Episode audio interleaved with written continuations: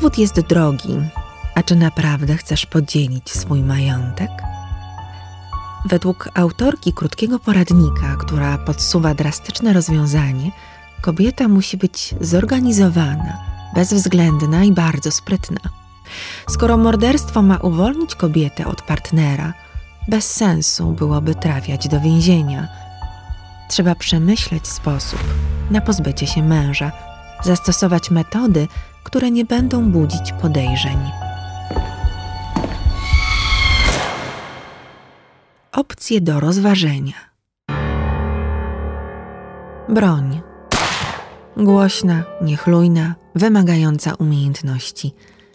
Jeśli frajer zginie po dziesięciu strzałach, albo masz fatalny cel, albo bierzesz narkotyki. Noże bardzo osobiste, wszędzie krew.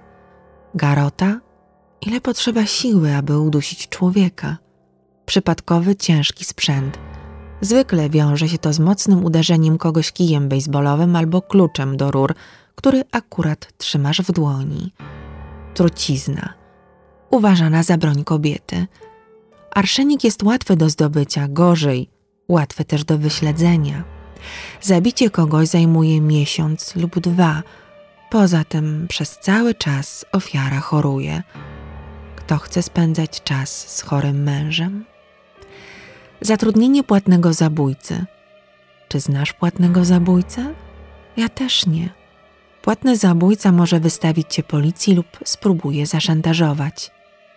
Nie, to nie moje sugestie, lecz fragmenty eseju How to Murder Your Husband, opublikowanego w 2011 roku.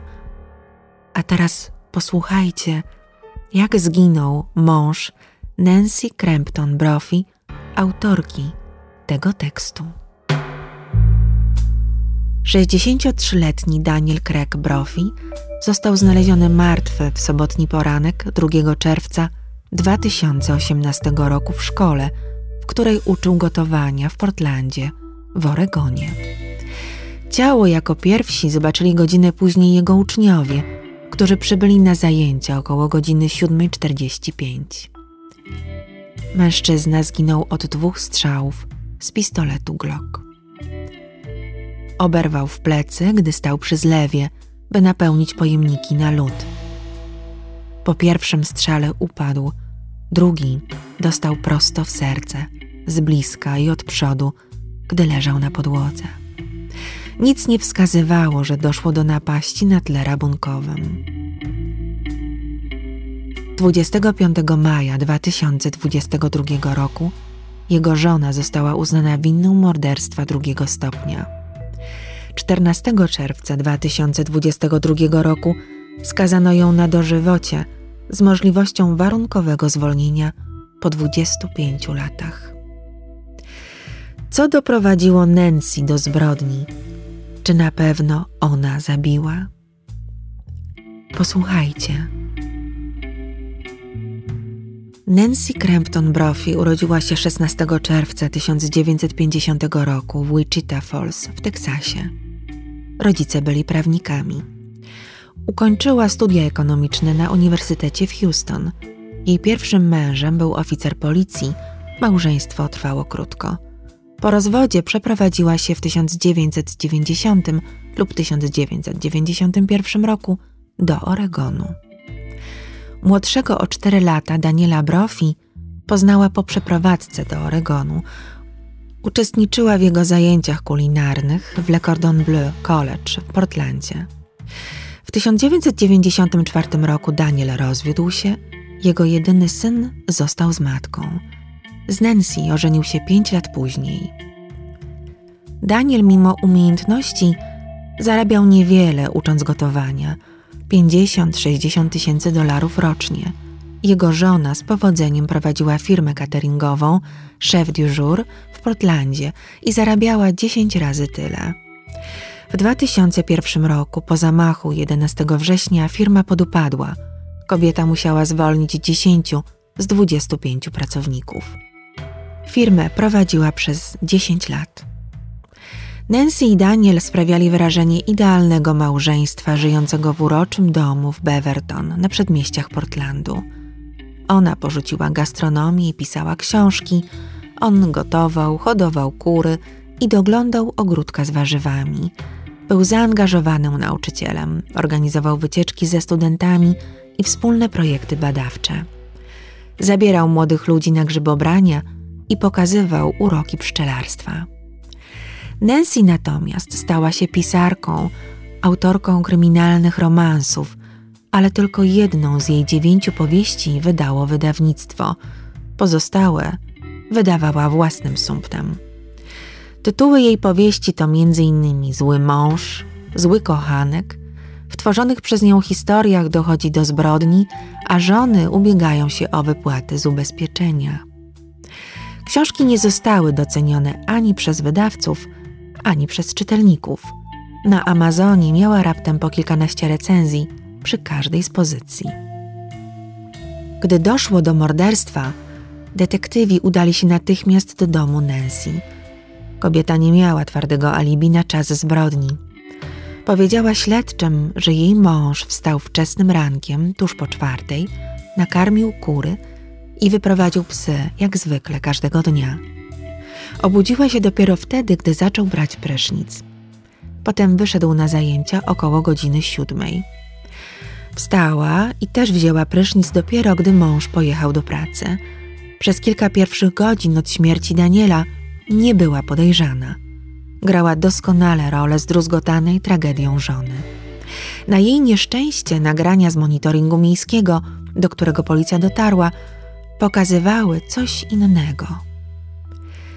Podczas gdy jedni śledczy rozmawiali z załamaną kobietą, inni detektywi badali okolice miejsca zbrodni i szukali nagrań z monitoringu. W szkole nie było kamer, ale nagranie z pobliskiej pizzerii ujawniło coś zaskakującego. Funkcjonariusze przejrzeli nagranie, aż doszli do momentu, który sprawił, że przewinęli materiał, by zobaczyć to jeszcze raz.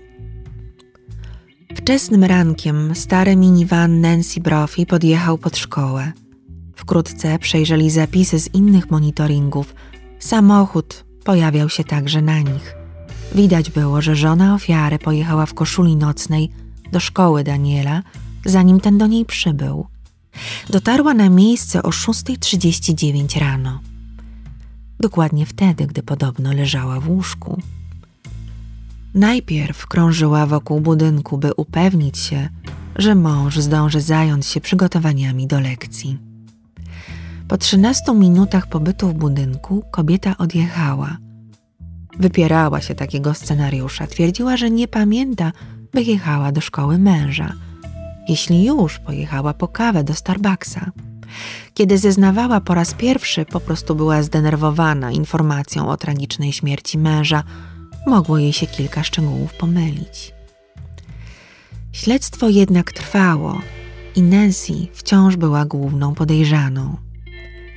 Po trzech miesiącach postawiono jej zarzuty, a po niemal czterech latach od zbrodni w kwietniu 2022 roku oskarżono ją o zabójstwo Daniela. Prokuratura miała jedynie poszlaki. Jej kłamstwo podważało całość zeznań, czyniło z niej osobę niewiarygodną. Motyw? Pieniądze. Nancy miała wykupionych kilka polis na życie Daniela na łączną kwotę miliona czterystu tysięcy dolarów. Także po jego śmierci dom, wart 400 tysięcy, przechodził na jej własność. Sytuacja finansowa małżeństwa w ciągu ostatniego roku bardzo się pogorszyła.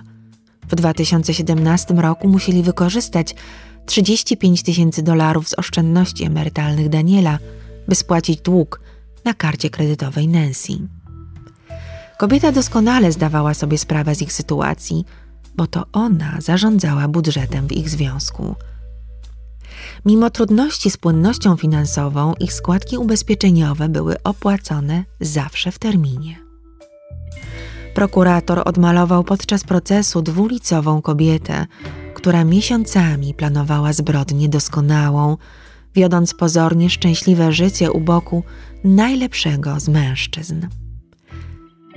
Dokonała zabójstwa w miejscu, gdzie nie było kamer, gdzie czuła się swobodnie gdzie nie spodziewała się o określonej godzinie świadków. Pistolet kupiła w grudniu 2017 roku w częściach na stronie Ghost Guns i na eBayu. W sądzie twierdziła, że potrzebny jej był jako materiał badawczy do powieści o kobiecie, która w podobny sposób nabywa i składa broń, a potem zabija agresywnego kochanka. Ponadto zapewniała, że mąż wiedział o zakupie broni, miał ją zabierać na grzybobrania dla bezpieczeństwa. Z nieuzasadnionego powodu kupiła dodatkową lufę i zamek do Glocka. Poszła też na strzelnicę, by nauczyć posługiwać się bronią. Po co wydała 1500 dolarów na zakup pistoletu, gdy liczył się każdy cent w tamtym czasie? Kiedy wskazała detektywom Glocka w swoim mieszkaniu, broń była czysta, bez śladu użycia. Nigdy nie odnaleziono zapasowych elementów, które jednoznacznie mogły zostać powiązane z morderstwem. Kolejną poszlaką w sprawie było zachowanie Nancy cztery dni po zabójstwie. Profi zadzwoniła do śledczych z pytaniem, czy dostarczą jej dokument z informacją, że nie jest podejrzana. Jej rozmowę nagrano i odtworzono w sądzie. Zaskoczony detektyw zapytał, po co jej coś takiego. Usłyszał w odpowiedzi, że firma ubezpieczeniowa wymagała od niej weryfikacji roszczenia z tytułu ubezpieczenia na życie Daniela w wysokości 40 tysięcy dolarów. Jedną z pierwszych rzeczy, które zrobiła po śmierci męża, było też pozbycie się jego ukochanych kur, dla których znalazła inne miejsce. Na koniec procesu zastępca prokuratora okręgowego Sean Overstreet zwrócił się do przysięgłych. Nancy jest jedyną osobą, która mogła popełnić to przestępstwo.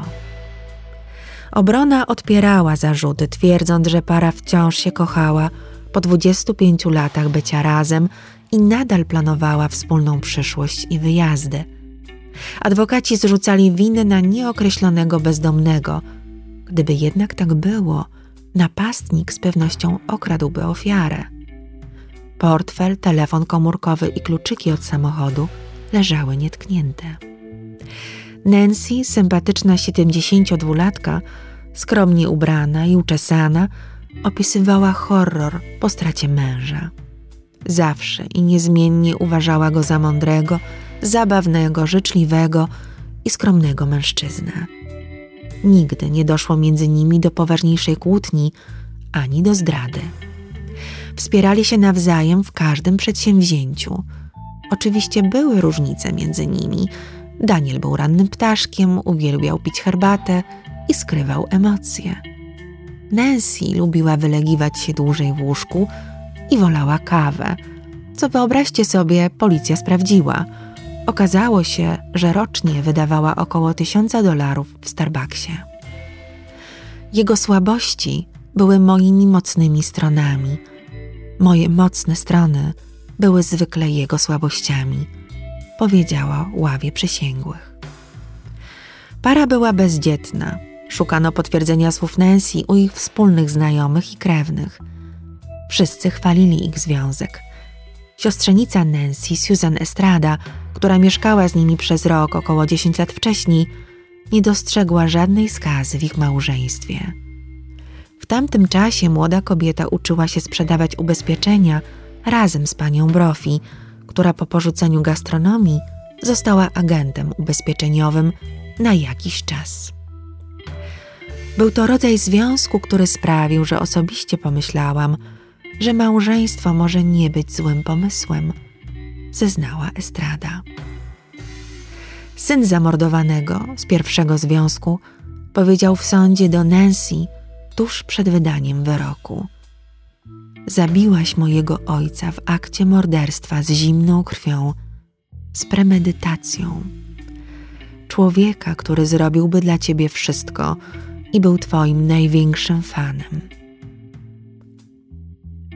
Jedno jest pewne: nie warto publikować swoich morderczych planów. Książki Nancy i wspomniany esej były jedną z poszlak, które wykorzystali w sądzie oskarżyciele. Mam nadzieję, że obudziłam Was do refleksji. Często bez zastanowienia publikujemy różne rzeczy. Ta historia pokazuje, że jednak warto pomyśleć. Tak na wszelki wypadek, oczywiście.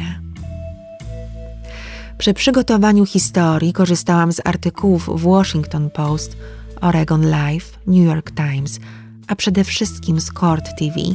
Cały proces był transmitowany przez telewizję.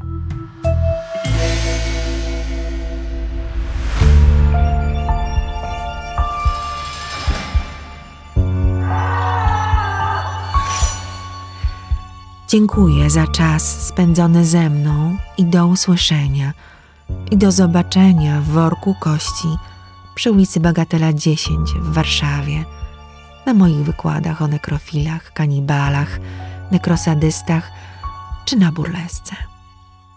Renata z worka kości.